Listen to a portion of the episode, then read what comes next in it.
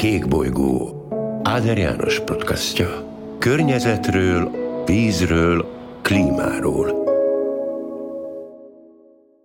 Jó napot kívánok, tisztelettel köszöntöm a podcast hallgatóit. Mai vendégem és beszélgető társam Sepregi Nándor, a Kék Bolygó Alapítvány igazgatója, akivel immáron négy esztendeje együtt dolgozunk, és ezért feltételezem nem lep meg senkit sem, hogy a beszélgetésünk az tegeződő hangnemben zajlik. Azért kértem Nándort, hogy beszélgessünk ma, mert viszonylag kevés információt ismerhettek meg, vagy ismerhetnek a kedves hallgatók az alapítvány egyik tevékenységéről, ez pedig a kockázati tőke alap létrehozása, ez egy viszonylag új kezdeményezése az alapítványnak, és több hír is megjelent a sajtóban, pontatlan híradások nem kevés, és gondoltam, hogy esetleg akkor szálljunk erre néhány percet, vagy akár egy egész podcast időt, hogy el is mondjuk a hallgatóknak, hogy mi is az a kockázati tőke alap. Úgyhogy induljunk szerintem minden. Köszönöm szépen a lehetőséget is, tisztelettel köszöntelek elnök úr, illetve a hallgatókat is. De igen, a kockázati tőke alap az egyszerűen úgy magyarázható el, hogy ez egy olyan befektetési forma, amikor egy vállalkozás egy ötlet finanszírozásába bevon forrást, tehát pénzt, de ezt nem tudja megtenni olyan klasszikus formában, hogy egy bankhoz fordul, mert akár a cégnek nincs olyan múltja, amit a bank értékelni tudna egy hitelbírálat során, akár az ötlet annyira innovatív, hogy annak a finanszírozásában nincs bevett pénzpiaci gyakorlat, tehát nem egy banktól kér pénzt ez a vállalkozás, hanem kockázati tőke befektetőhöz fordul. Benne van a nevében is, hogy kockázat, tehát az, aki így nyújt forrást valamilyen ötlet finanszírozásába, az magasabb kockázatot vállal, és ezért magasabb hozamelvárást is fogalmaz meg. Maga a kezdeményezés az amerikai Egyesült Államokban született valamikor az 1960-70-es évek fordulóján, és akkor alapvetően a számítástechnikai ipar finanszírozására jött lényegében létre. Aztán terjedt el az egész világon, és jelent meg itt a közép-kelet-európai régióban is a rendszerváltást követően. Először különböző felvásárlások formájába, és aztán a 2000-es évektől pedig különböző innovatív technológiák finanszírozására. Van arról tudomásunk, hogy a világon, az Egyesült Államokban, ahol elindult, vagy Európában, az Európai Unióban hány ilyen kockázati tőke alap van, vagy ez egy nagyon bevett üzleti formává vált, és lehet azt mondani, hogy se szeri, se száma. Rengeteg ilyen vállalkozás van. Egyrészt vannak olyan alapok, amik kifejezetten úgy jöttek létre, hogy kifejezetten modern vagy új, és még piacon nem bevett technológiák finanszírozására jönnek létre. És vannak olyan pénzügyi szolgáltatók, akik ilyen üzletágat nyitottak, hogyha a bankszektor klasszikus szereplőit vesszük figyelembe, itt Magyarországon is és a világ számtalan pontján folytatnak ilyen típusú tevékenységet az alaptevékenységüktől függetlenül, tehát több száz százas nagyságrendben beszélünk ilyen típusú vállalkozásokról. Hogyha világ 20 vezető kockázati tőke befektető cégét nézzük, akkor azoknak azonban a jelentős része az Egyesült Államokhoz kötődik, ottani alapítású. 16 ilyen cégről beszélünk, három Kínához kapcsolódik, illetve egy az Egyesült Királysághoz, de alapvetően ez egy amerikai novum, hogyha úgy tetszik, és ezek terjeszkedtek a világ különböző pontjain. Több 100 milliárd dollárt megmozgatva éves szinten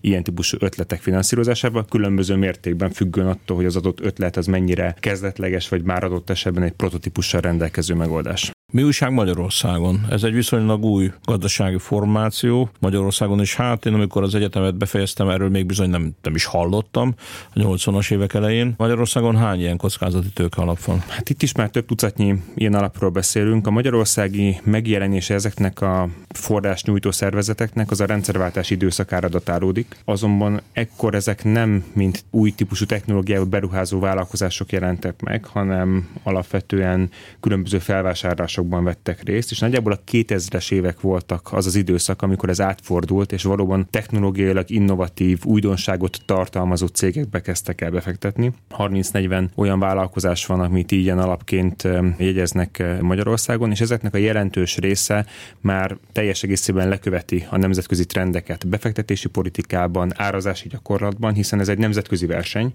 amikor egy magyar ötlet forrást keres, akkor nem csak a magyar szereplőket verseny versenyezteti, hiszen a nemzetközi piachoz is van hozzáférése, és itt nagyon fontos, hogy olyan versenyerőnyt kell tudni kínálni, ami után egy magyar ötlet, magyar finanszírozót választ, mert hogyha valaki mondjuk egy amerikai finanszírozó mellett dönt, akkor nem csak azt a lehetőséget kapja meg, hogy forrást kap a cége, hanem egyből kinyílik egy sokkal nagyobb globális piac számára, tehát itt nagyon sok szempontból versenyenek egymással ezek a típusú vállalkozások. Bizonyára a hallgatókban is felötlött a kérdés, hogy jó, jó, hát ez egy érthető üzleti konstrukció, Nagyobb a kockázat, de nagyobb is a várható profit, más elven működik, mint a bankok, más a megtérülési idő, valaki, akinek van jelentős tőkéje, kockáztat, és vélhetően hosszú távon több befektetéséből valamelyik nyereséges, valamelyik pedig veszteséges, de összességében jelentős hozamot tud realizálni. De joggal merülhet fel a kérdés, hogy no, egy klímavédő alapítványnak miért van szükség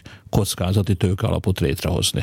Ahogy azt az előzőekben is megbeszéltük, a kockázati tőke alapok elsősorban 5-10 évvel ezelőttig az informatikai szektorban mozogtak, és olyan cégeket segítettek első-második körös tőkéhez jutni, mint ami mindenki által ismert Facebook, vagy a közösségi eszközmegosztás támogató Uber, amivel egy nagyon komoly vita volt például a taxis társadalom is közöttük. Aztán ahogy egyre szélesebb körben váltak ismerté azok a környezeti károk, amit az iparfejlődés és az emberi fogyasztási tevékenység okozott, és jelentek meg valós vásárlói igények ezeknek a problémáknak a kezelésére, a kockatőke alapok is megjelentek ezekben a, az iparágakban. Tehát ma már azt lehet mondani, hogy jelentős befektetési tevékenység folyik azokba a technológiákba, amely az emberi fogyasztás által okozott környezeti károk csökkentésére vonatkozik. Bocsánat, de ezt másként úgy is fogalmazhatnánk, hogy vannak ötletek, és vannak befektetők, akik ezeket az ötleteket támogatják, ami a körforgásos gazdaság megteremtése, illetőleg az úgynevezett fenntartható fejlődési fordulat az iparban, mezőgazdaságban,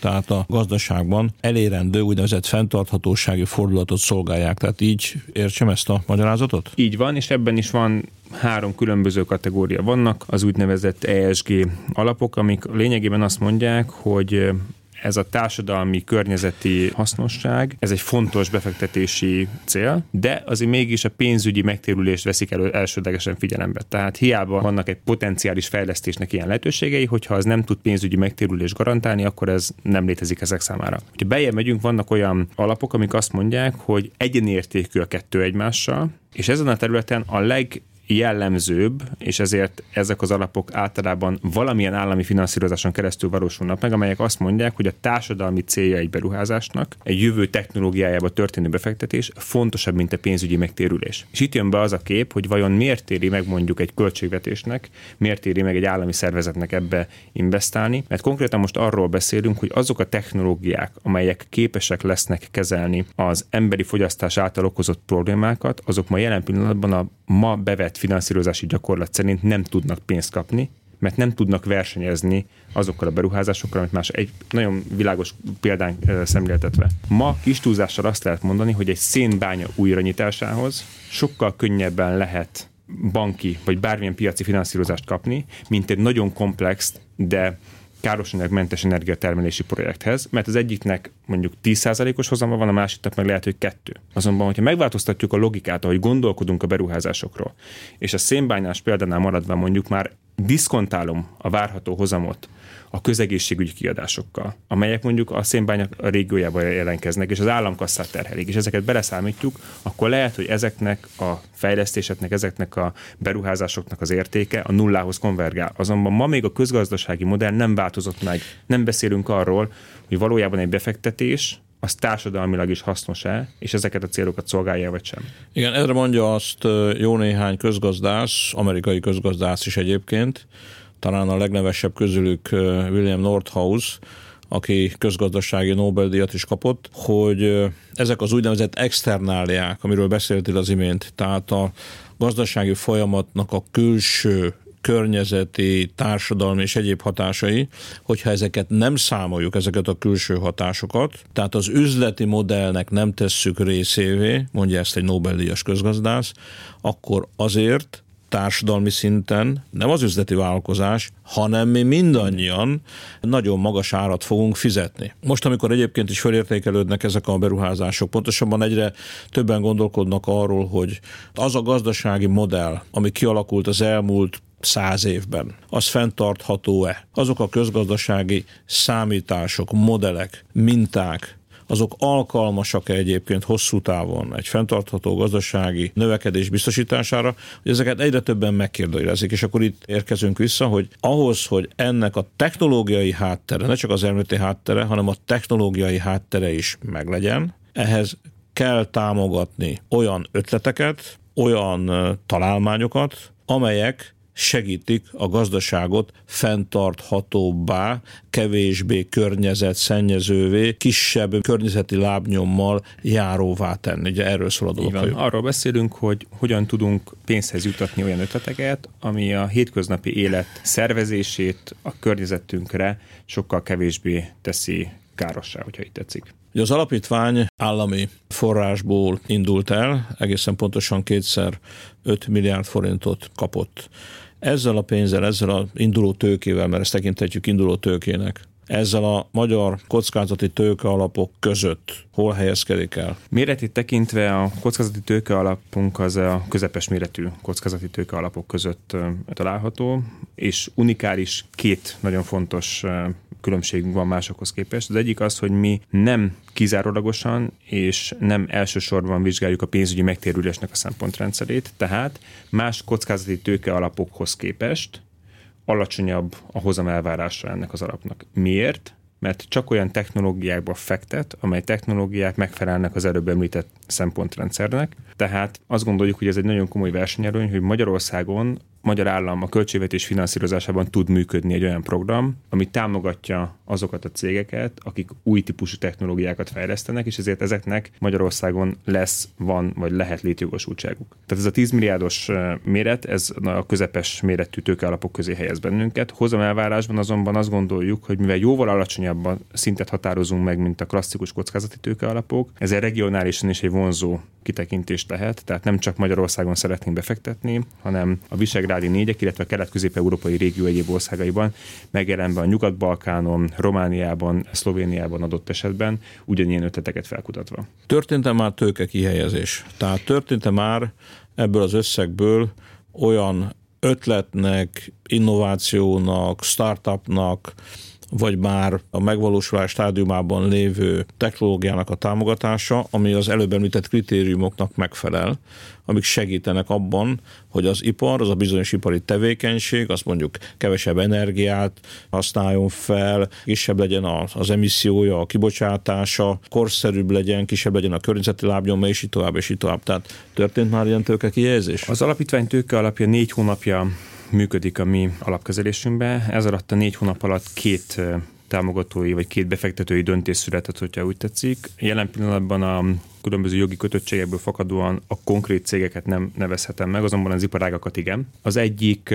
az a megújuló energiatermelés kiegyenítésével foglalkozik, tehát igaz egy nagyon komoly problémát okoz az, hogy Magyarország is elindult a karbonsemleges energiatermelés irányába. Ez két eszközön keresztül fogja érvényesíteni, vagy érvényre juttatni. Az egyik az a paksi atomerőmű üzemidejének meghosszabbítása, illetve kapacitásának a fenntartása, és a másik az egyre nagyobb mértékben beépülő zöld energiatermelésnek a kérdésköre. Na és ez milyen problémát okoz? Mert ugye és az volt a mondatot, hogy nagyon komoly probléma. Az egyik oldalon ez persze jó, hogy ez zajlik, és hogy széndiokszidmentes az áramtermelésünknek a nagy része, vagy legalábbis 2030 az lesz, de milyen problémát idéz ez elő, és mi az, amit meg kell oldani? Igen, probléma az, amivel az egész világ szembesül, Európa pedig kiváltképpen, aki nagyon ambiciózus célokat határozott meg a zöld energia termelés területén, hogy senki nincs tisztában azzal, hogy a áramellátó hálózat az milyen átviteli kapacitást bír el.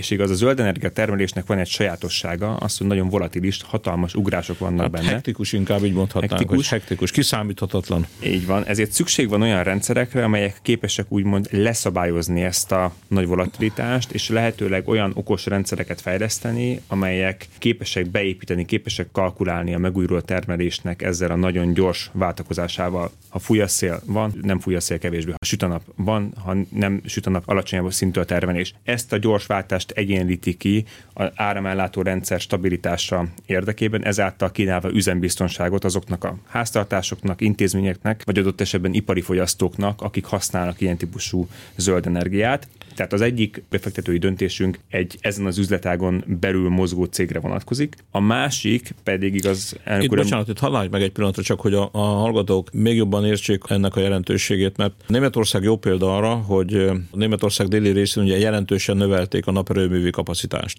Északon jelentősen növelték a szél erőműveknek a kapacitását, de a szakértők ugye azt szokták mondani, hogy ha az úgynevezett zöld energia mennyisége meghaladja az 50%-ot, akkor vagy új hálózatot kell építeni, vagy a meglévő hálózatnak a tartalék kapacitásait kell föltárni, és ennek segítségével lehet megoldani ezt a bizonyos kiegyenlítési problémát, amiről az imént beszéltél.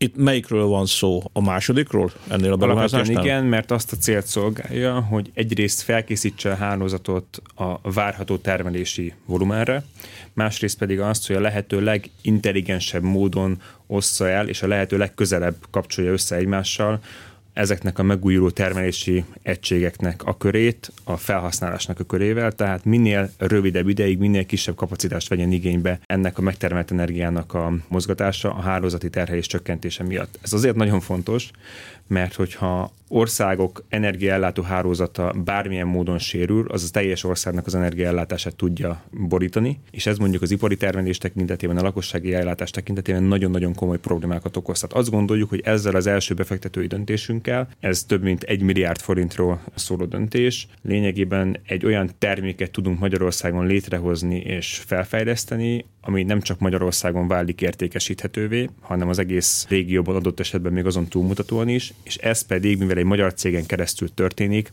közvetlen hasznot hajt a magyar költségvetésnek, tehát így térül meg, így válik rentábilissá a központi költségvetésnek, hogy miért járul hozzá egy ilyen alapnak a finanszírozásához. Közbevágtam, mert elkezdted mondani, hogy van egy másik befektetői döntés. A másik befektetői döntés az pedig a, a körforgásos gazdaságnak egy nagyon fontos szegmense az az, hogy hogyan képezünk hulladékból ismételten alapanyagot, ahelyett, hogy az valóban szemétként menne a kukába, illetve lerakókba vagy égetésre, hiszen a világgazdaság egyik nagyon komoly problémája, hogy abszolút lineáris a fogyasztási struktúra, tehát alapanyagot állít elő valamiből, azt az alapanyagot felhasználja a gyártáshoz, a gyártás után a terméket használják a fogyasztók meghatározott ideig. Nagyon sokszor Most nem. Ma már egyre rövidebb ideig. Így van, tehát a divatfogyasztás ezeket a termékéletciklusokat jelentősen lerövidítette, így ebből szemét keletkezik. És az a kérdés, hogy ebből az egyenesből hogyan tudunk karikát kovácsolni, hogyan tudjuk ezt körkörössé tenni. És ennek a egyik megoldására, a háztartási uradék kezelésére van egy magyar ötletinnováció, amely már nagy publicitást kapott, és ők a második pozitív befektetősi döntéssel rendelkező cég, akik mellett már elköteleztük magunkat. Mind a két cég esetében a pénzügyi jogi átvilágítás zajlik.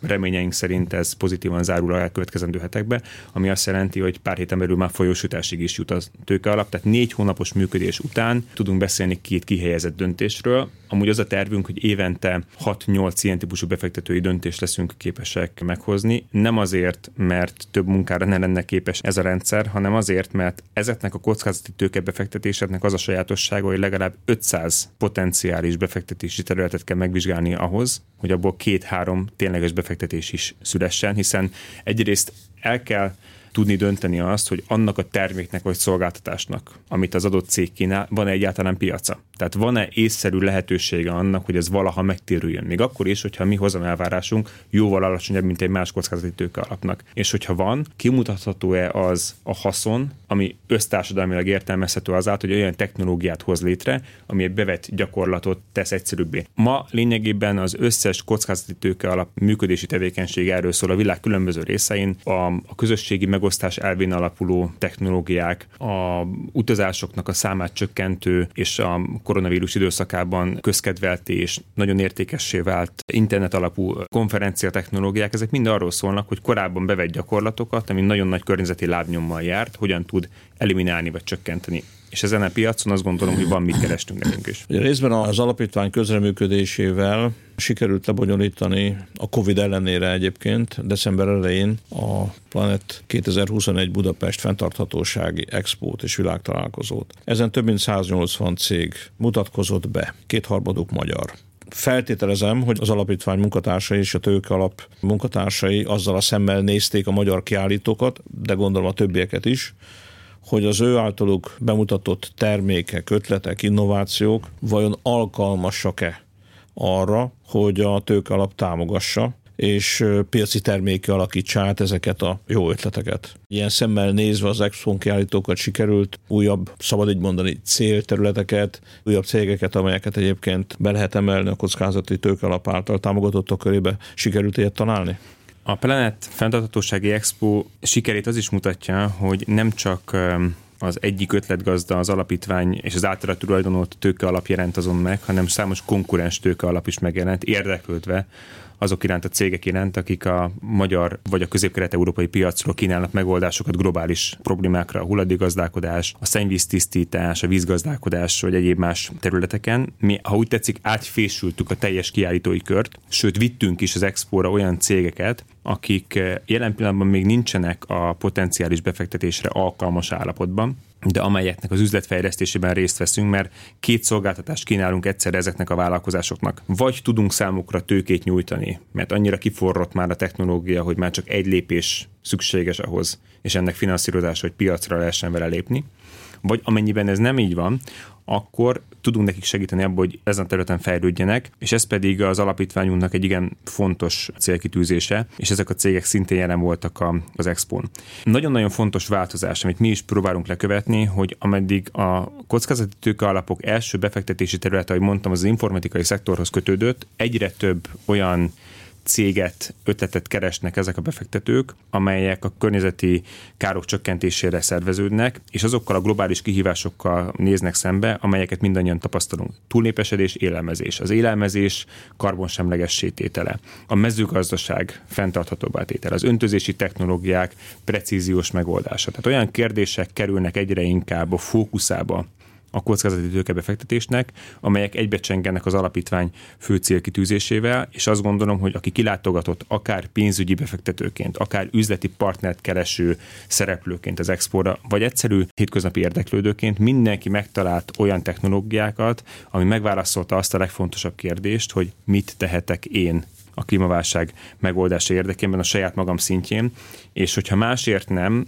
csak azért, mert ezt összerendezte egy ilyen kezdeményezés itt a közép-kelet-európai régióban, mindenként volt értelme most az üzleti haszottól eltekintve a Planet Budapestnek. Igen, az üzleti haszonról azért annyit mondjunk el, hozzátéve, hogy az állam részéről nincs hozamelvárás egy ilyen expo megszervezése kapcsán a szervezők felé, de két héttel ezelőtt Jó István volt a vendégem, aki ennek az expónak a kormánybiztosa volt, és hogy arról adott számot, hogy miközben 10 milliárd forintot biztosított a költségvetés az expo megszervezésére, az a felmérés, ami arról szólt, hogy a cégek rövid, közép és hosszú távon vélhetően milyen üzletet tudnak realizálni az ott az expón létrejött kapcsolatok segítségével. Számomra is egy megdöbbentő szám hangzott el, 134 milliárd forintról adtak eddig számot a cégek, ami azt gondolom, hogy ha ennek csak a 10%-a kerül vissza a költségvetésbe egy-két éven belül, akkor ez egy elég tisztességes hozammal, egy elég tisztességes haszonnal jár a költségvetés, de legfőképpen a magyar adófizetők számára. Arról nem is beszélve, hogy ennek milyen további haszna van, munkahelyteremtés, piaci pozíciók megerősítése, árózatépítés, és így tovább, és így tovább. Egy kicsit beszéljünk a jövőről. Ugye most már két céggel a végéhez közelednek a tárgyalások. Hányan vannak még a látótérben? Ez az egyik kérdés. A másik, mikor érdemes akár egy következő podcastban arról számot adni, no mi lett ezeknek a befektetéseknek a sorsa? Beváltották-e hozzájuk fűzött reményeket?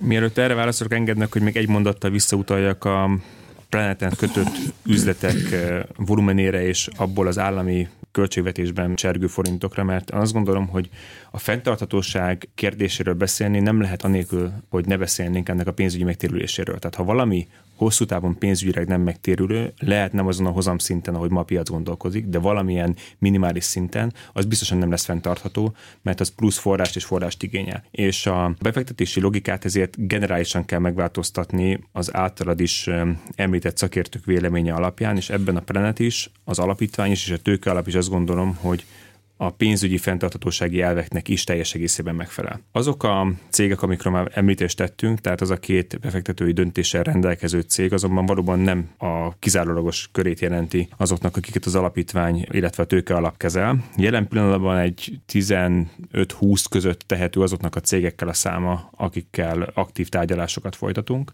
Ezek között van olyan, aki a éttermekben és a különböző ilyen kantinokban kifőzdében keletkező napvégén megmaradó ételeknek az Há. olcsó forgalomba helyezésével foglalkozik. Talán ők a Muncs. Ők a Muncs, igen. A Muncsnak a vezetője volt egyébként a podcastnak a vendége igen, néhány hónappal tehát, tehát velük is tárgyalunk, tárgyalunk kifejezetten a mezőgazdaságban tevékenykedő cégekkel, egyrészt akik a precíziós öntözés technológiával foglalkoznak. Tárgyalunk olyan cégekkel, akik a takarmány, illetve a földeknek a vízmegtartó képességét igyekeznek javítani. Ez kifejezetten azokban az országokban érdekes, ahol a szárasság olyan problémákat okoz, hogy az a mezőgazdasági termelésnek a volumenét jelentősen csökkenti.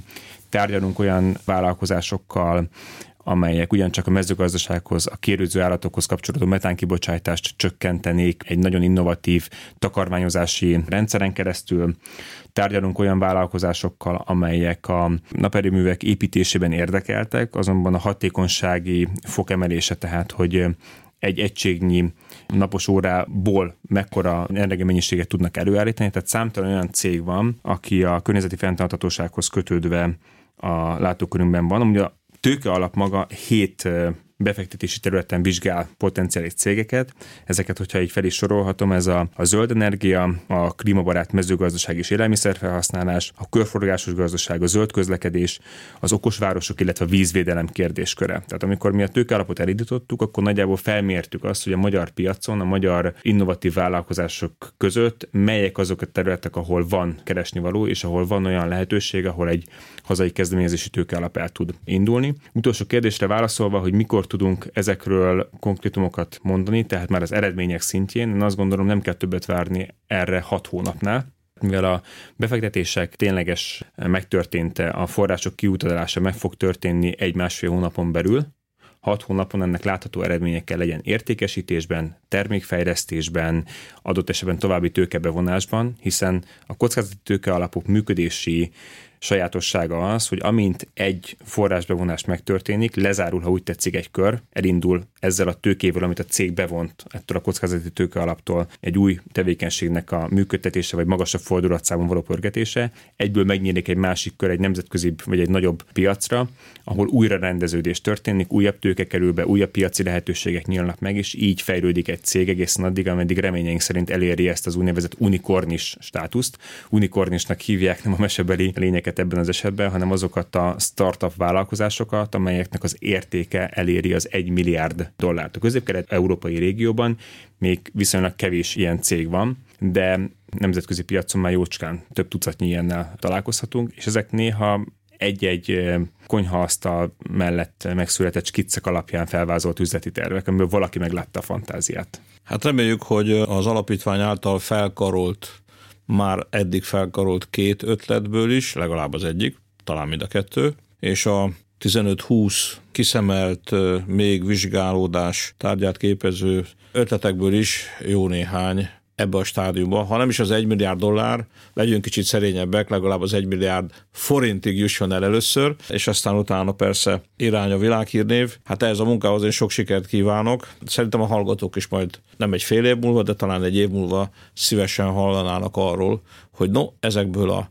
remek elképzelésekből, ezekből a célkitűzésekből mi valósult meg, milyen új projektek indultak, és azok a várakozások, amiket részben a tőke alap kezelői, részben a vállalkozók megfogalmaztak, azok igazolódtak-e vagy sem. Úgyhogy szerintem érdemes ezt folytatnunk, mondjuk egy év múlva ezt a beszélgetést. Köszönöm, hogy itt voltál. Én pedig köszönöm a hallgatóknak a figyelmet. Csepregi Nándorral beszélgettünk a Kékbolygó Alapítvány kockázati tőke alapjának létrehozásának okairól és az eddig elért eredményekről. Még egyszer mindenkinek köszönöm a figyelmet, viszont hallásra.